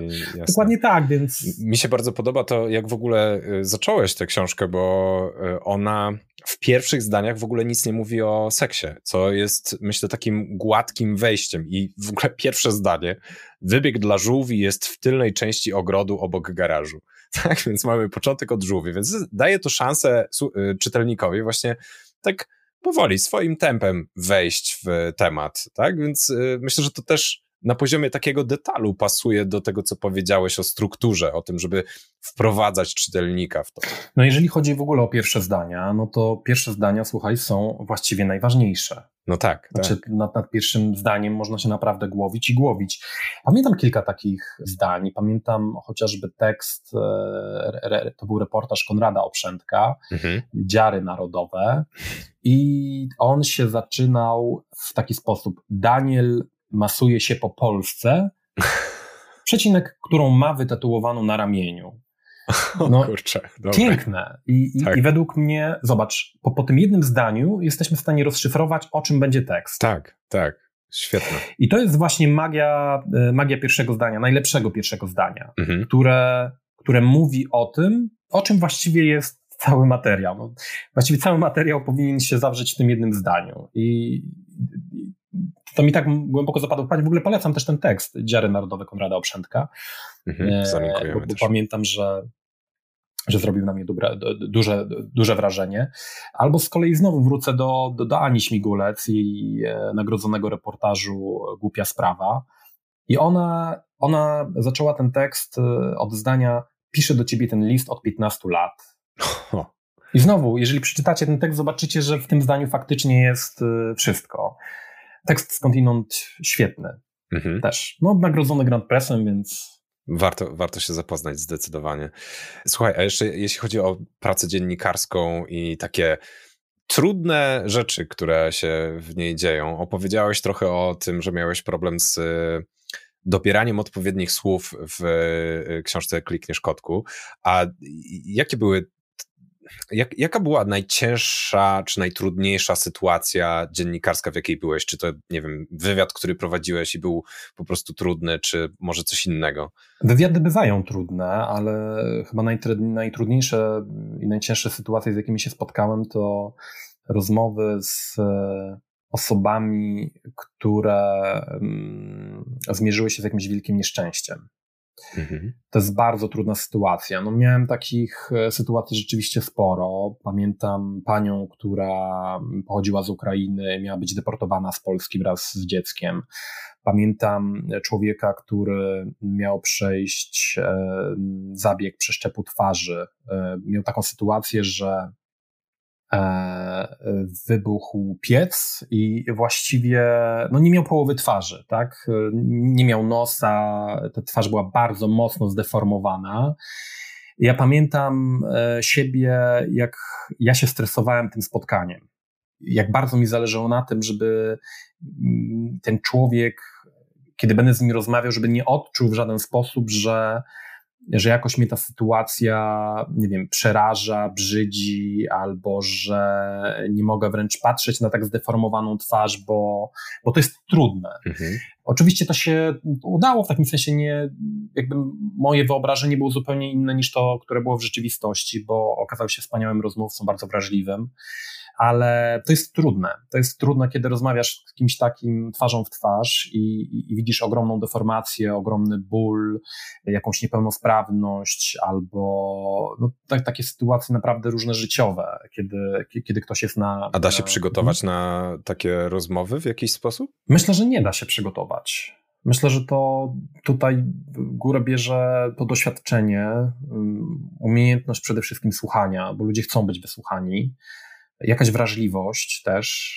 e, wrażliwość w kontekście tego, żeby obserwować tego rozmówcę, czy, czy jakieś pytanie, nie wiem, nie jest dla niego zbyt trudne, albo jeżeli, nie wiem, no komuś polecą z, wielokrotnie też tak bywało, tak, że, że, że ludzie po prostu to wyzwala, wracanie do jakiejś historii, do jakiejś sytuacji powoduje w ludziach tak e, duże i silne emocje, że potrafią, potrafią płakać, potrafią mieć, nie wiem, drgawki, jakieś napady. To są skrajne sytuacje, tak, ale, ale one występują. Jak się wtedy zachować? Po ludzku, no wiesz, czasami... Co, to, czasami, co to znaczy po ludzku? No, to, to, gdybym miał to porównać w ogóle, myślę, że sama sztuka wywiadu i, mhm. i, rozmowy z ludźmi po prostu polega na tym, że, że trzeba umieć słuchać, trzeba być, e, właśnie trzeba być wrażliwym. To jest taki sam sposób, jak ktoś z twojej rodziny przychodzi do ciebie i ci opowiada o jakichś problemach. Wiesz, bardzo często milczenie jest dobrą reakcją wsparcie. Znaczy, wiesz, no, dziennikarz musi mieć trochę jednak z psychologa, musi mieć trochę z e, dziennikarza i z reportera. Czasem przydają się jeszcze jakieś, pewnie można byłoby wymienić jeszcze kilka innych profesji. No to, to jest na pewno trudne. To jest na pewno trudne. Wydaje mi się, że mi się jakoś udawało to, e, to, to robić. Nie miałem nigdy jakiejś takiej sytuacji, kiedy powodowałoby to jakieś problemy. Na pewno trudną sytuacją jest to, kiedy okazujesz takiemu bohaterowi jakby pełne zrozumienie i, mm, i, i, dajesz też jakąś swoją wrażliwość, starasz się mu pomóc swoją pracą, czyli swoim tekstem, swoim reportażem, materiałem, ale bardzo często bohaterowie nie rozróżniają tego rodzaju podejścia od tego, że jest to nasza po prostu praca. Mhm. I nie mówię tutaj odnośnie tych sytuacji, które wcześniej wymieniałem, tylko wiesz, czasem jest tak, że bohater zbyt mocno się do ciebie przywiązuje i, i, i wręcz masz czasem wrażenie, że oczekuje więcej albo oczekuje większej pomocy.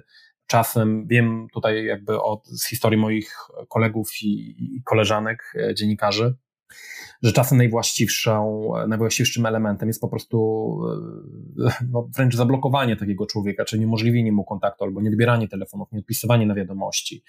no to, to jest trudne i, i myślę, że wielu dziennikarzy ma z tym kłopot, szczególnie na przykład reporterów wojennych, którzy bardzo często mierzą się no, z absolutnie skrajnymi sytuacjami. Zresztą Wojtek Jagielski też o tym opowiadał, jak, jak trudno jest e, zachować ten dystans pomiędzy takim, no pomiędzy tą pracą dziennikarską, a, a taką naszą wewnętrzną ludzką wrażliwością, tak, że chciałoby się tym pomo ludziom pomóc jeszcze więcej, że być może wyciągnąć, nie wiem, z prywatnej, ze swojego portfela jakieś 100 dolarów, żeby im pomóc w tej sytuacji, tak, ale później się orientuje, że te 100 dolarów w niczym właściwie nie pomoże, jeżeli do jakiejś wioski przyjeżdża wojsko i gwałci jakąś kobietę, która ma y, x dzieci, prawda, że być może powinieneś jakoś e, zareagować, ale to są naprawdę bardzo trudne sytuacje. E, no i czasem, czasem one w dziennikarstwie niestety się zdarzają i to, to, to jest naprawdę trudne. A miałeś jakąś taką sytuację w związku z y, książką? Czy ktoś y, tak nadużył twojego kontaktu? Przyznam się, przyznam się oczywiście, że ten etap dokumentacji pochłonął sporo czasu. E, oczywiście w książce są wybrane historie, ale tych historii było dużo więcej. Spotkałem się też z negatywną reakcją środowiska w ogóle na poruszanie tej tematyki, tak? Dostawałem mhm. jakieś e, właśnie wiadomości nie do końca miłe, albo wręcz szkalujące, albo grożące po, po zapowiedziach książki również. No, nie, nie było to miłe. Spotkałem się z sytuacjami, w, który, w których też, e, że wiesz, to, to jest też klasyczne dla świata sex workingu, że jakby trzeba też zrozumieć, że te osoby są trochę poza dużo osób pracujących w seksworkingu jest poza e, rynkiem pracy. Mam tutaj mhm. na myśli, wiesz, osoby transseksualne, osoby z problemami psychicznymi, osoby uzależnione, które nie są w stanie znaleźć e, takiej regularnej, normalnej pracy, prawda? Mhm. I no, dotknęło mnie to też, tak? Czyli, nie wiem, no miałem do, do, do czynienia z, z osobami, które miały wyraźne problemy psychiczne, wiesz, miały zdiagnozowaną, jak się okazało, mm, chorobę afektywną dwubiegunową. I się orientujesz, że, że, że, pewne elementy, pewne fakty się nie zgadzają, tak? Że, że te osoby są raz bardzo chętne do rozmów, innym razem cię atakują, że wykorzystujesz ich historię. I no, no wtedy po prostu to ja przynajmniej mam takie przekonanie, że, że, że takiej historii absolutnie nie można wykorzystywać, tak? E, bo, bo, bo tym ludziom, znaczy musimy być trochę też być może mądrzejsi od bohaterów, którzy nawet czasem chcą rozmawiać i nawet im sugerować, że na przykład, nie wiem, jak ktoś ci mówi, że on chce być podpisany z imienia i nazwiska, prawda? No, jednak zawsze, jeżeli opisujemy jakieś ludzkie historie, zawsze musimy e, brać pod uwagę to, czy nie zaszkodzimy jakoś naszym bohaterom. I to jest hmm. bardzo istotne, żeby właśnie nie, nie, nie powodować u nich jakiejś, e, jakichś dalszych problemów a takowe przecież mogą wystąpić, bo, bo nie wiem, bo ostracyzm lokalnego środowiska, bo zerwanie mhm. kontaktów przez rodzinę. E, więc tutaj też to, to, był na tyle delikatny temat, oczywiście, że, że wiele bohaterek w książce, nie wszystkie, jest tutaj pod pseudonimami i, mhm. niektóre też fakty czy, czy, czy elementy umożliwiające identyfikację zostały zmienione. Więc tak, no ale, ale miałem rzeczywiście, to, to, ten etap dokumentacji w przypadku książki nie był łatwy i, e, i rzeczywiście też mnie spotkało parę nieprzyjemnych sytuacji. A nie bałeś się wchodzić w ten świat? Bo pewnie, znaczy nie wiem, czy w ogóle zastanawiałeś się nad tym, że może dojść do czegoś takiego, że w związku z tematem to środowisko zacznie ci właśnie wysyłać jakieś pogróżki? Ja myślę, że będąc dziennikarzem nie można się bać. Okej. Okay. Czyli nazwałbym tego pogróżkami, to były po prostu mm, negatywne, mniej bardziej wiadomości odnoszące się do przygotowywanego reportażu. Okay, okay. Ale myślę, że w ogóle będąc reporta, e, reporterem, dziennikarzem, nie, nie, nie, możemy się kierować jakby własnymi odczuciami, czy, e, czy coś nam będzie groziło, czy nie. No myślę, że najbardziej wymagającą pracą pod tym względem jest praca dziennikarza śledczego, który jednak, który jednak się mierzy z dużymi aferami, z presją polityków, biznesmenów i to jest dużo wyższy level. W moim przypadku, no to, to najczęściej, jeżeli już kończyłoby się zapewne na, e, na, na, jakimś hejcie w sieci, na jakimś negatywnym opisie mojej postaci, albo tego, że nie wiem, że w jakiś sposób się zachowałem taki albo inny, więc tutaj nie miałem w sobie absolutnie żadnego, żadnego strachu. A dociera to do ciebie jakoś? Do, jakoś cię to dotyka, jak dostajesz takie negatywne y, teksty? To się zdarza właściwie po każdym tekście. No, ja zdążyłem się już do tego przyzwyczaić. E, mhm. No, na początku wydawało mi się, że piszę na takie tematy, które nie, nie, powinny wyzwalać jakby negatywnych emocji, ale okazuje się, że każdy temat dzisiaj może być szeroko komentowany, no bo internet nam to umożliwia, tak? Każdy może właściwie usiąść przed ekranem monitora i napisać jakąś negatywną informację na twój temat, na, twoi, na temat twojej pracy, nawet nie do końca e, rozumiejąc, co tam jest, bo zdarzało mi się, że nie wiem, bardzo często E, ja publikuję na przykład, jeżeli jestem autorem jakiegoś tekstu, no to wrzucam linki na swój profil na LinkedInie i one bardzo często budzą ożywioną dyskusję. No i e, okazuje się, że często ludzie czytają jedynie ten dostępny fragment, jeżeli teksty są za paywallami. Mhm. Nawet nie, nie próbują zrozumieć tego, o co chodzi, czy jest to wyjaśnione. Czasem te lidy są podchwytliwe, tytuły są mhm. podchwytliwe. No, pamiętam taką dyskusję, bo, bo pisałem o pay gapie, czyli e, o różnicy w e, płacach pomiędzy kobietami a mężczyznami. Temat bardzo żywo dyskutowany. I pamiętam, jak z jednym panem dyskutowałem, on nie przeczytał tego tekstu, jestem o tym przekonany. Później to oczywiście wyszło. Ja mu wskazywałem stronę, już byłem tak zirytowany, że wskazywałem mu nawet akapit, w którym jest odpowiedź na jego pytanie, ale nie docierały do niego żadne argumenty. I wiesz, wydaje mi się, że czasem w przypadku, nie wiem, influencerów, e, celebrytów, nawet pewien, pewien rodzaj prowokacji powoduje, że oni poszerzają swoje zasięgi, prawda? Więc mhm. nie wiem. Znaczy, ja sam nie jestem osobą, która by krytycznie, oczywiście czytelnik zawsze, czy widz ma zawsze prawo do tego, żeby, y, żeby oceniać y, to, czy tekst mu się podoba, czy nie podoba, prawda, ale, ale niestety do, doświadczałem też różnych takich bardzo wulgarnych wpisów na temat, nie wiem, bohaterek moich wywiadów, albo tego, co mhm. powiedziały. No ja nie zgadzam się z tym. Jeżeli chodzi o moje prywatne social media, jeżeli widzę, że, że ktoś, do kogoś mogę przypiąć łatkę hejtera, to po prostu e, klikam blokuj, żeby nie mieć e, z tą osobą połączenia. Osobiście mnie to nie dotyka. Ja, ja, zawsze w swoich tekstach raczej staram się bazować na, na, na, faktach, na liczbach. Jeżeli już się czymś posiłkuję, staram się siebie samego jako autora ukryć i, i swoje opinie. Mhm. Od tego są eksperci, więc y, którzy w tekstach się po prostu pojawiają i, i, ja po prostu jestem osobą, to jest moja praca, która ten tekst konstruuje, więc to mi umożliwia, jeżeli później się ktoś nie zgadza z tym materiałem, umożliwia mi to y, dyskusję na tych faktach, które są w tekście z którymi no raczej ciężko polemizować, jeżeli coś jest wynikiem jakichś szerszych e, badań, nie wiem, społecznych albo jakiegoś raportu, prawda? Więc myślę, że w taki sposób można łatwo uciąć dyskusję, posługując się solidnymi argumentami. No tak, a nawet jeżeli się nie uda uciąć, bo wszyscy są ekspertami od wszystkiego przecież, to chyba trzeba po prostu albo zignorować, albo nie wiem, zablokować, no? bo to co innego zostaje. Piotrze, a co w Twoich historiach, Twoich reportażach zawsze musi się znaleźć, albo co, czego, czego nigdy nie chciałbyś zawrzeć? Jakieś takie ekstrema, właśnie. Jeżeli chodzi w ogóle o artykuły, no to mm, jednak e, zawsze musi znaleźć się jakiś ekspert, jakiś głos ekspercki, e, dlatego że e, nie jestem publicystą, więc moja opinia nie jest ważna. Nawet jeżeli mam jakąś opinię na jakiś temat, no to zawsze mierzę się jednak z tym, że, że, że w tekście musi być ktoś, kto ma szeroki dorobek w jakimś aspekcie. Nie wiem, ktoś jest właśnie e, psychologiem, terapeutą, e, psychiatrą, ekonomistą, przedstawicielem jakiejś instytucji. Więc to jest element, który, który myślę, że jest istotny żeby zestawić słowa bohatera właśnie z ekspertem. To samo jest też w telewizji, czyli w telewizji bardzo często też się w taki sposób konstruuje, żeby zawsze na kanapie, jeżeli to jest jakiś taki, nie wiem, mocny społeczny temat, żeby był ekspert, który jakby się odniesie do, do, do nauki.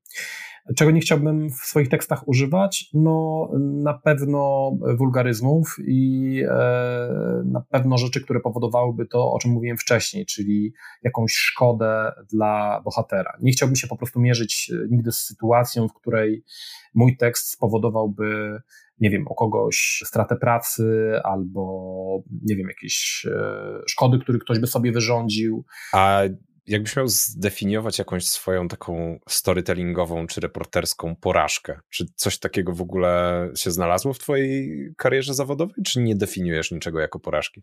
Ciekawe pytanie, dzięki. E, no, mm, nie, nie przypominam sobie niczego, co byłoby jakąś kompletną wtopą już na etapie publikacji, dlatego że w redakcjach zawsze, to nie jest tak, że przychodzi do ciebie e, redaktor naczelny albo redaktor, mówi dobrze, napisz, a my to po prostu publikujemy. E, to, to, to nie wygląda tak, jak mielibyśmy swojego bloga. Tak? Zawsze jest e, instytucja redaktora e, w redakcjach, który ten twój tekst po prostu czyta, weryfikuje, ewentualnie zgłasza jakieś poprawki.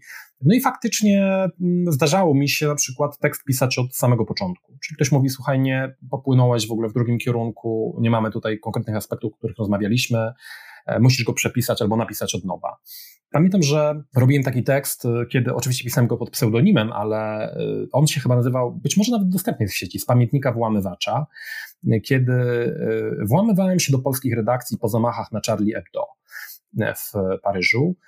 Właśnie, żeby sprawdzić, jak zabezpieczone są polskie redakcje i czy da się tam wejść, nie wiem, w jakiś sposób, tak?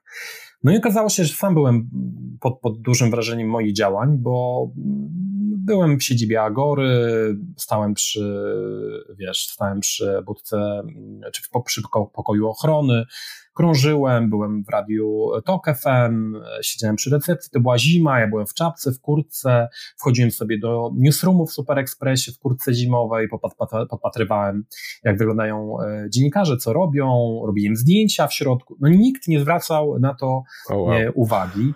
Tak, w ogóle sytuacja była bardzo ciekawa.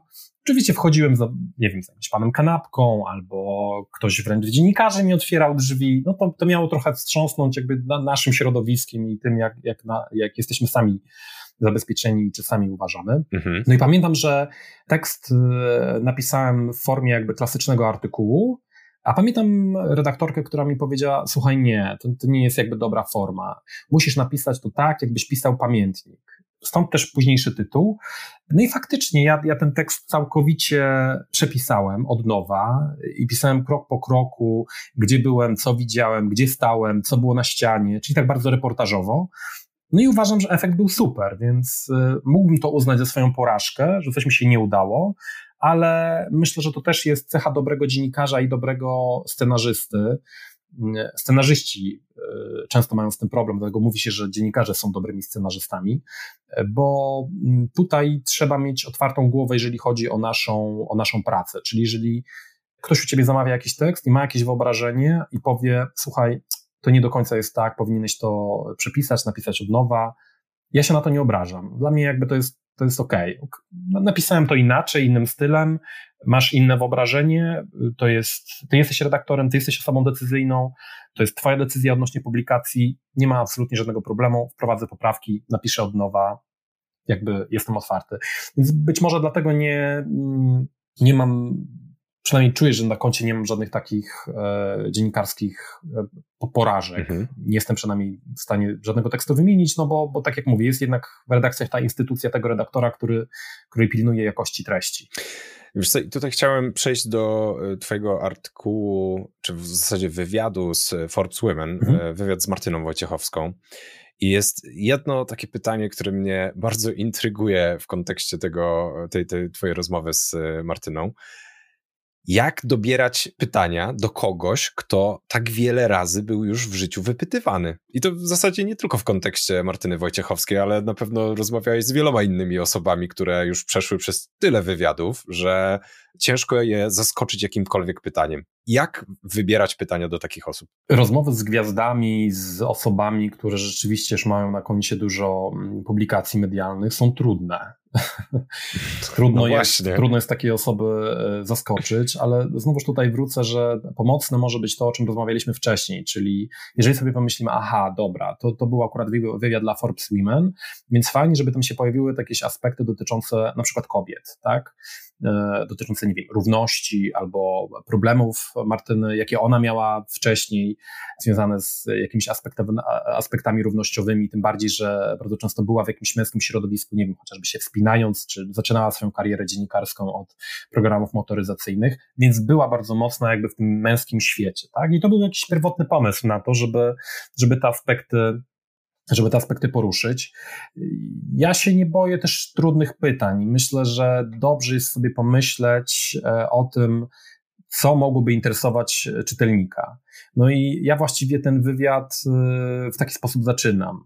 To, jest chyba drugie pytanie, kiedy zadaję Martynie mm, właśnie pytanie odnośnie tego, czy jest doskonale zorganizowanym przedsiębiorstwem promocyjnym i geniuszem autopromocji. Mhm. No właśnie przez, przez tą ilość tych, tych materiałów, publikacji, tego, że jest znaną dziennikarką, prowadzi programy podróżnicze, była redaktor naczelną i tak dalej, i tak dalej. Mam mnóstwo różnych elementów na koncie.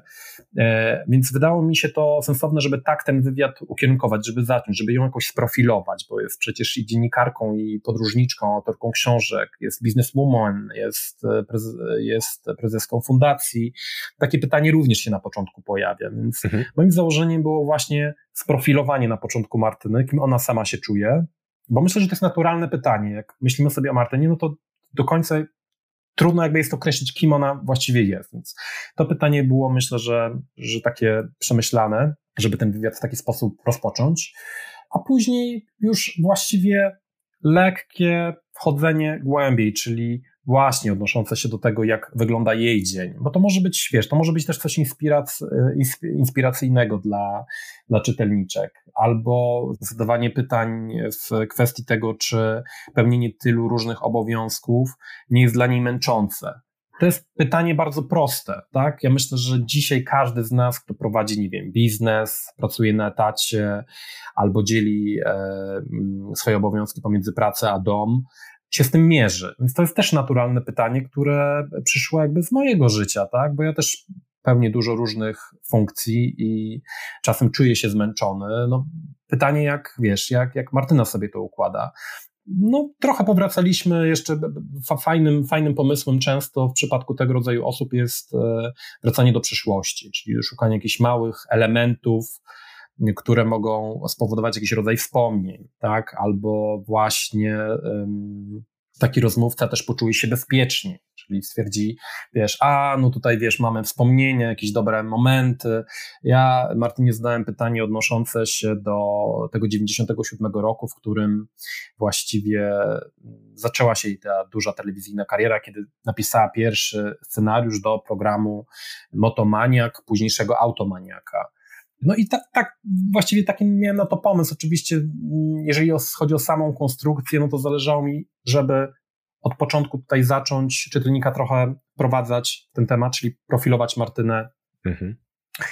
E, żeby czytelnik znalazł mm, tę odpowiedź. Później przejść przez te kolejne aspekty dotyczące jej przeszłości, dokonań, e, programu Kobieta na krańcu świata, a na sam koniec zostawić te, e, te, te kwestie związane mm, z prywatnością. Bo, mhm.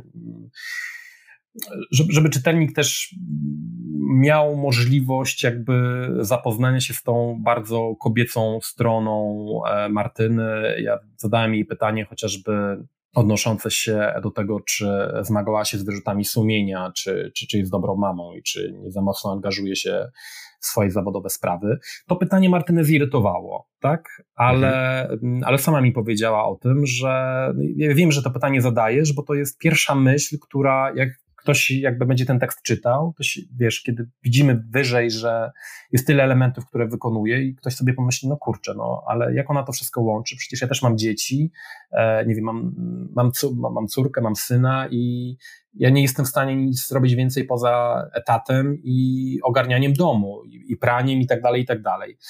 To są Przewidziałeś, takie... że to pytanie ją zirytuje? No, szczerze odpowiem, że tak. Okej.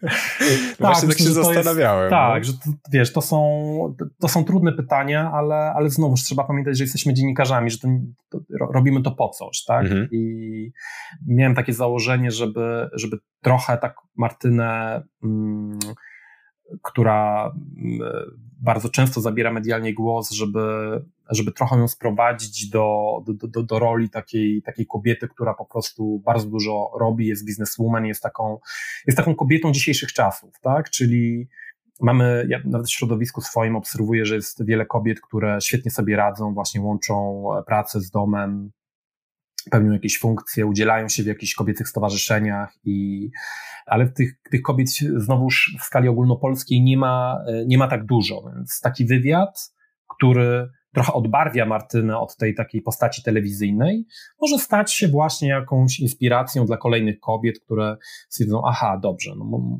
może jednak się da, może ja spróbuję, prawda? Mhm. Ona też nie została wyciągnięta z kapelusza, tylko to była jakaś jej praca, yy, napisała ten scenariusz, wysłała do tej telewizji, ta telewizja się odezwała, więc mam nadzieję, że, że, że wiele czytelników jakby stwierdzi, że, czy, czy czytelniczek stwierdzi, że, że, że coś w tym wywiadzie jest. Wiesz co, no, ja czytałem ten wywiad i nawet dla mnie jako faceta, który nie był główną grupą docelową, też to było inspirujące, więc y, myślę, że jak najbardziej będzie.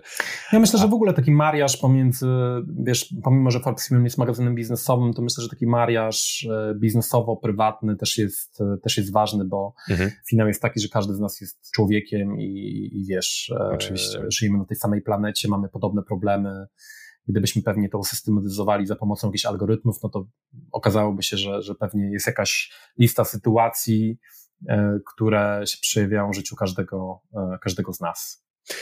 A y, jakbym miał ciebie zirytować jakimś pytaniem, jakie pytanie musiałbym ci zadać?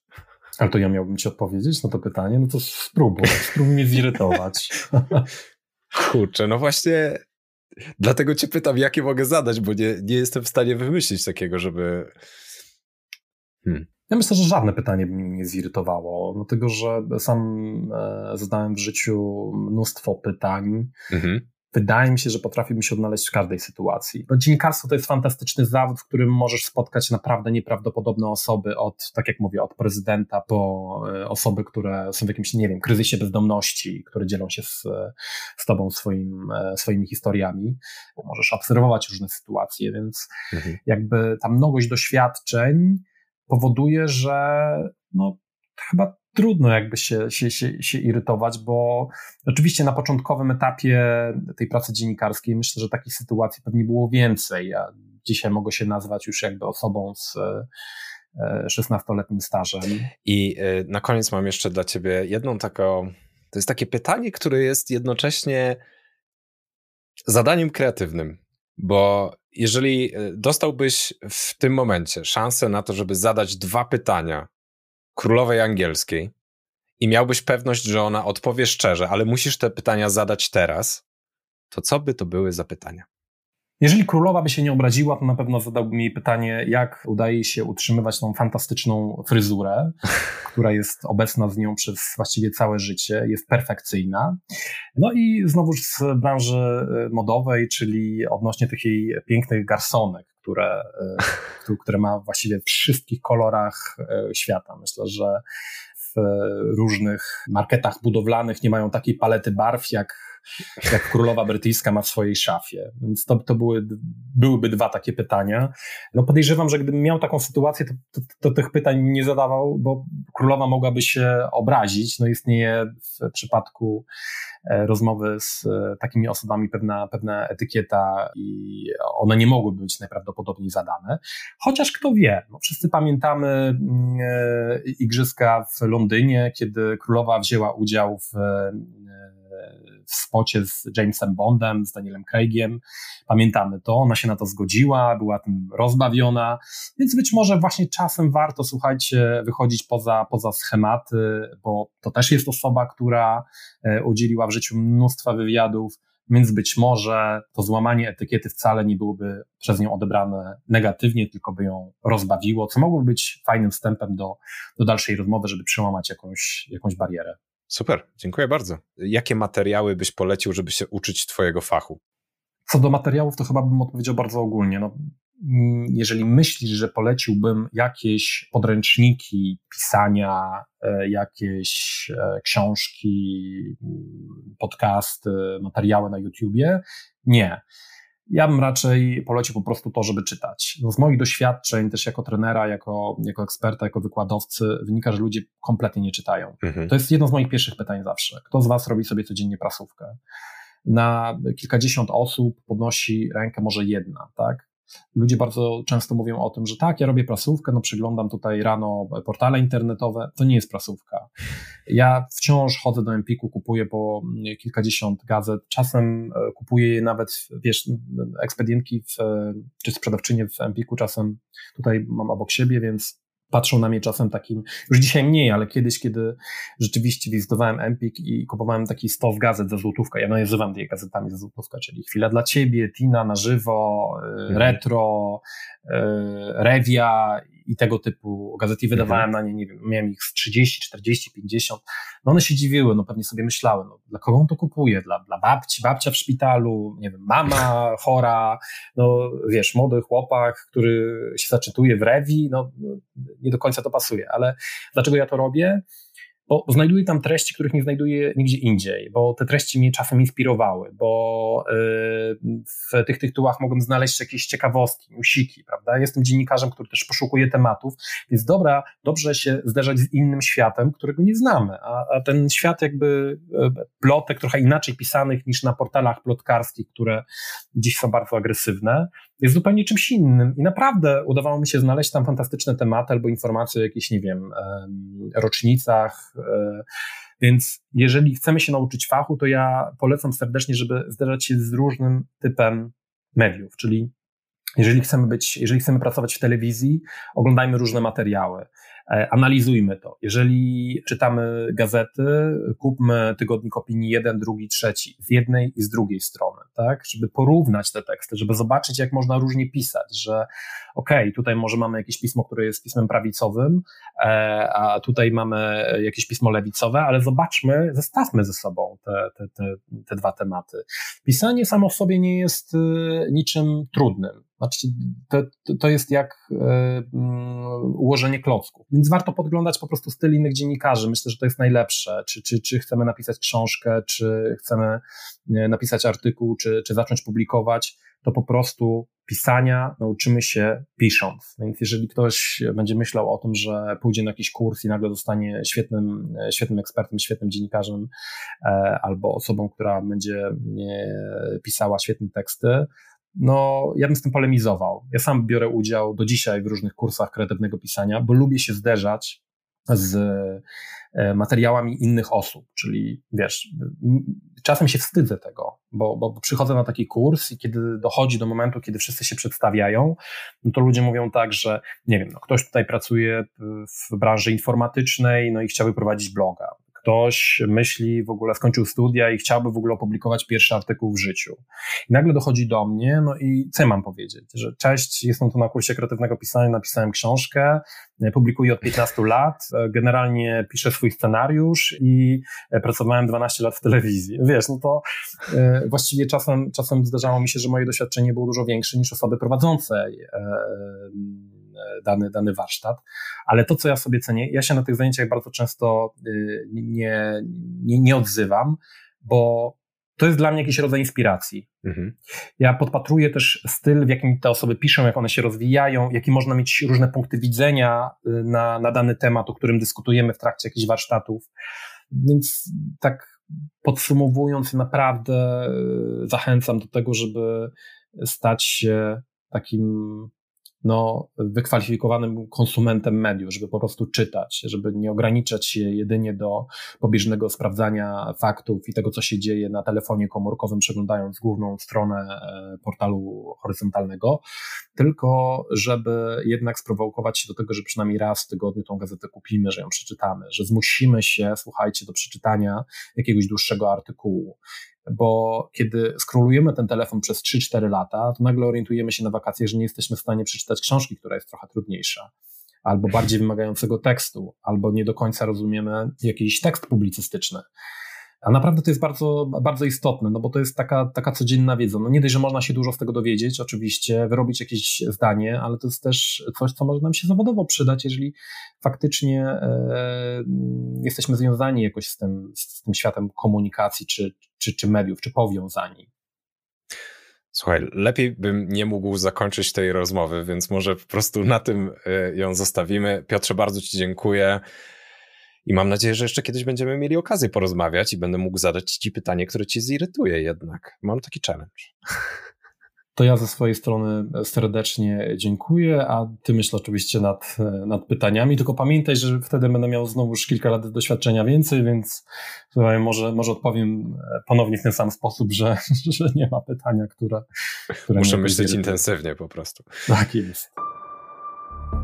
Myślę, że bohaterowie arcyciekawej historii subskrybowaliby podcast Fabularnicy w Spotify, Apple Podcasts lub innej aplikacji.